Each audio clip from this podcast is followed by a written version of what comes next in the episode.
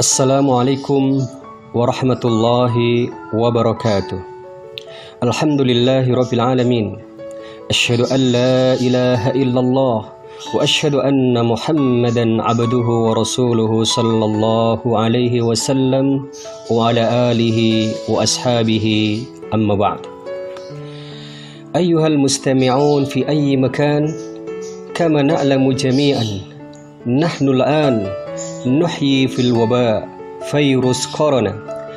هذه من مصائب التي قد كتب الله لنا. بخمسين ألف سنة قبل أن يخلق السماء والأرض. اعلموا أيها المستمعون في كل مكان أن في كل مصيبة حكمة ولا بد علينا أن نأخذ عبرة كما قال الله تعالى في كتابه الكريم يؤتي الحكمة من يشاء ومن يؤتي الحكمة فقد أوتي خيرا كثيرا وما هي الحكمة في هذه المصائب؟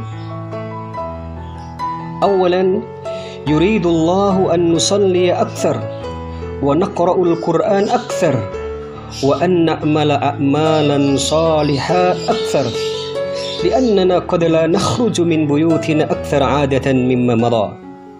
ثانيا أيها المستمعون يريد الله أن نعلم أن الحياة قصيرة وأن الموت قريب.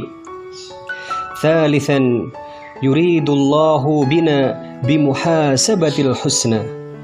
ولذلك أيها المستمعون أدعوكم وإياي أن نجدد إيماننا وتقوانا وألا نتكاسل صلاتنا وألا نتكاسل قراءة القرآن وألا نتكاسل كل عمل الخير في بيوتنا. شكرا جزاكم الله خيرا. بارك الله لنا ولكم. والسلام عليكم ورحمة الله وبركاته.